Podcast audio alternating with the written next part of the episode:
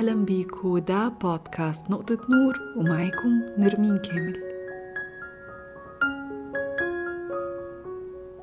في البداية أنا حابة أعبر عن امتناني لكل حد بيتواصل معايا سواء كان بيشجعني أو بيطلب نصيحة.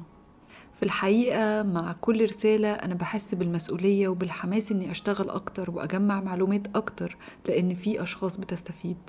والحلقة النهاردة ألهمتني بيها مشكلة أحد المتابعين وأتمنى إنها تكون مفيدة للكل. هو إزاي اتكونت أفكارنا وهويتنا؟ إيه اللي خلانا الأشخاص اللي موجودة النهاردة؟ لو جيت سألت نفسك عن أي فعل أو رد فعل بتعمله هو يا ترى ليه أنا عملت كده؟ يا ترى ليه كان رد فعلي بالشكل ده؟ هو ده أنا؟ يمكن تكون حاجة بتحصل معانا كلنا إننا نعمل حاجة بسرعة ونبقى مش عارفين إحنا عملنا كده ليه. ساعات كتير بنندم على رد فعل أو كلام قلناه ونسأل نفسنا هو ليه كان ده رد فعلنا؟ ويمكن السؤال ده يكون بداية إنك تسمع صوتك الداخلي اللي بيحاول يقولك حقيقة نفسك. يمكن في حاجات أنت محتاج تعيد النظر فيها لأنك ما اخترتهاش. وعلشان نعرف نتحكم في حياتنا ويكون عندنا وعي أكتر بالحاجات اللي أثرت على تكوين شخصيتنا سواء كانت تجارب عدينا بيها أو تلاعبات أو انطباعات سابها فينا أشخاص تانية أو المجتمع. كل التراكمات دي هي اللي كونت شخصيتنا وهي اللي بتأثر على قراراتنا بدون وعي. طيب حد يقول لي إيه المشكلة هنا؟ المشكلة هو إن مثلا شخص اتربى في أسرة قاسية ما شافش منهم حب أو تشجيع. فده أثر على صورته قدام نفسه بقى مش قادر يحب نفسه أو حتى يمكن كمان شايفها ما تستحقش الحب. المشكلة في التعليقات السلبية اللي خلت شخص بقى خايف من التعامل والكلام مع الناس بالرغم إنه كان قبل كده اجتماعي وبيحب يخرج ويتكلم ويتفاعل. المشكلة في إن حد ياخد قرار يأثر بشكل سلبي على مستقبله أو شغله نتيجة تراكمات أو مؤثرات من الماضي. مشاكل كتير إحنا بنخاف نواجهها علشان خايفين نفتح جروح قديمة.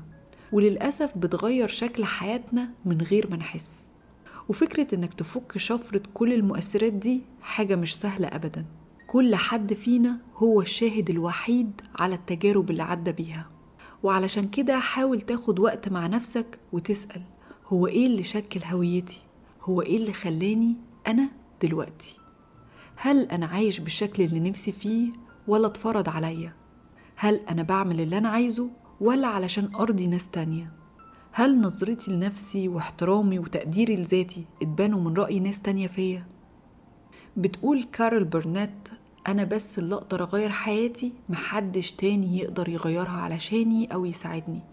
ولما اعترفت بالحقيقة دي عرفت إن أنا المسؤولة الوحيدة عن التغيير.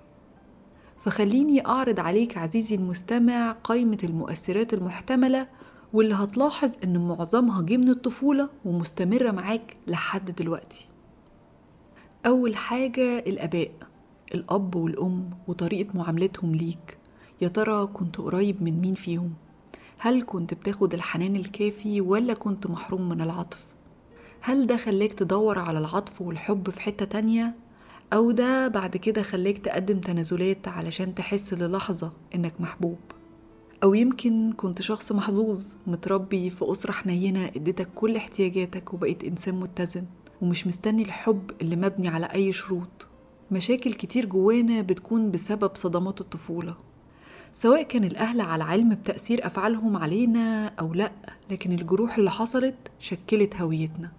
هتحتاج تعرف المشكلة علشان تعرف تواجهها علشان تقدر تحلها وما تأثرش على حياتك ومستقبلك تاني حاجة الإخوات تعاملاتهم وطريقة تفاعلهم معاك هل كان في مساحة احترام وحب ولا لأ؟ هل بتلاقي منهم الدعم اللي انت محتاجه ولا هم أول ناس بتكسرك؟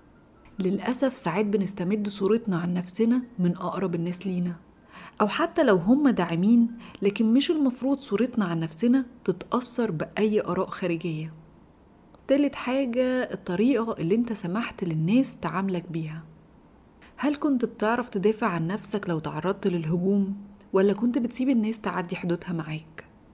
هل كنت بتخاف لو حطيت حدود إن الناس تبعد عنك وتخسرهم فسبتهم يتجاوزوا ظنا إن ده تعبير منك لتقديرهم وحبهم؟ رابع حاجة إيه الحاجات اللي لما عملتها لقيت تقدير من اللي حواليك؟ هل كانت حاجات كويسة ولا لأ؟ لأن ساعات ممكن تاخد تقدير مثلا على إنك بقيت جزء من مجموعة وعلشان تكون شبههم قدمت تنازلات وحبيت إحساس التقدير فبقيت تقدم تنازلات أكتر وأكتر. خامس حاجة عملت إيه؟ اتعاقبت علشانه. ويا ترى كان العقاب في محله ولا حسيت بالظلم؟ سادس حاجة المجتمع اللي انت تربيت فيه. هل كان حواليك أشخاص إيجابية مشجعة ولا كان في جو من التعليقات السلبية أو حتى التنمر؟ سابع حاجة الحالة المزاجية لأسرتك. هل انت تربيت في بيئة هادية ومشاكل قليلة ولا تربيت في بيت كله زعيق ومشاحنات؟ وده اللي يودينا لتامن حاجة. إزاي كانت المشاكل بتتعالج في أسرتك؟ لأن دي بعد كده بتكون الصورة للطريقة اللي انت بتعالج بيها مشاكلك دلوقتي. تاسع حاجة الأحداث المهمة في حياتك. سواء كانت حلوة أو وحشة وإزاي غيرت طريقة تفكيرك ونظرتك للحياة. عاشر حاجة التلفزيون والكتب. يا ترى كنت بتتفرج على إيه وإيه البرامج اللي استمديت منها معلوماتك؟ الكتب اللي قريتها وشكلت هويتك. بمجرد ما بتحدد العشر حاجات اللي فاتت هتقدر تشوف سبب تكوين شخصيتك دلوقتي. هتفهم انت ليه بقيت شخص حذر مثلا في تعاملاتك؟ ليه بقيت شخص إيجابي ومتفائل؟ ايا كان انت هتوصف نفسك إزاي لكن المهم هنا هو إنك تسأل نفسك هل سلوكياتك دلوقتي اللي اتبنت على تراكمات من الماضي بتساعدك ولا بتأذي حياتك؟ على سبيل المثال انت بطبعك شخص طيب وعطوف وبتدي اللي حواليك. كل الصفات دي كويسة وجميلة وتخليك تبني حياة صحية. لكن لقيت تعليقات أو تصرفات عدوانية أو سلبية. حسيت في يوم إن في ناس بتستغلك فبدأت تغير في طبعك علشان تتفادى ده فبقيت حد تاني. دور جوه نفسك وخلي عندك استعداد إنك تواجه الأسئلة الصعبة. أنا مش دكتورة نفسية ولا بتظاهر إني مدربة ولا أي حاجة من دي.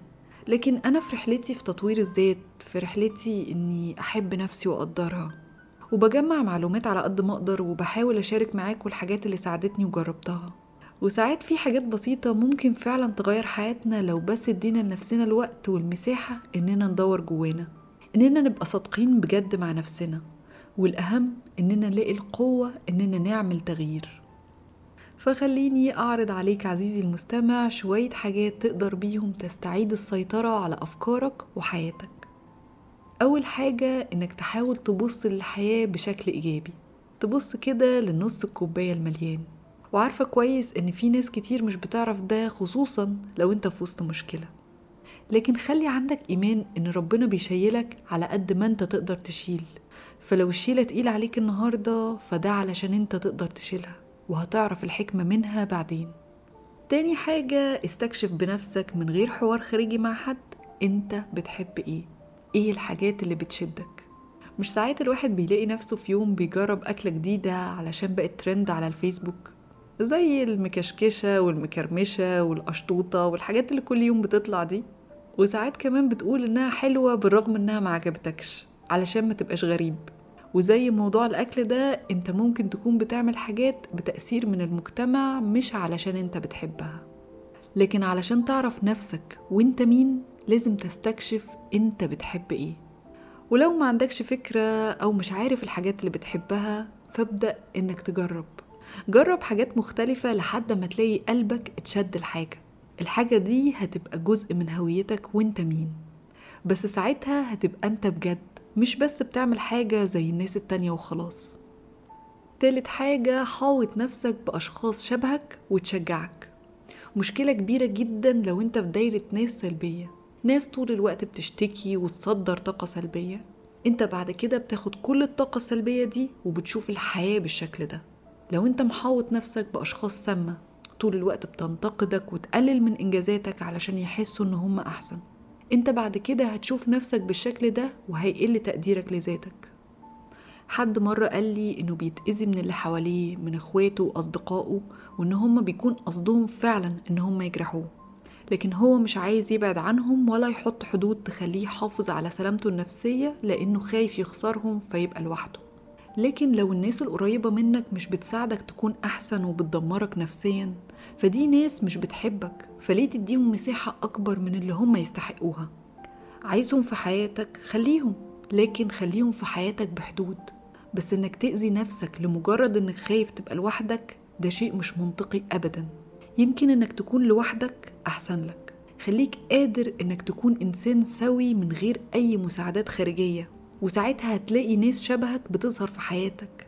هيكونوا عايزين يعرفوك لأنك سعيد ومستقر ومش بتصدر طاقة سلبية.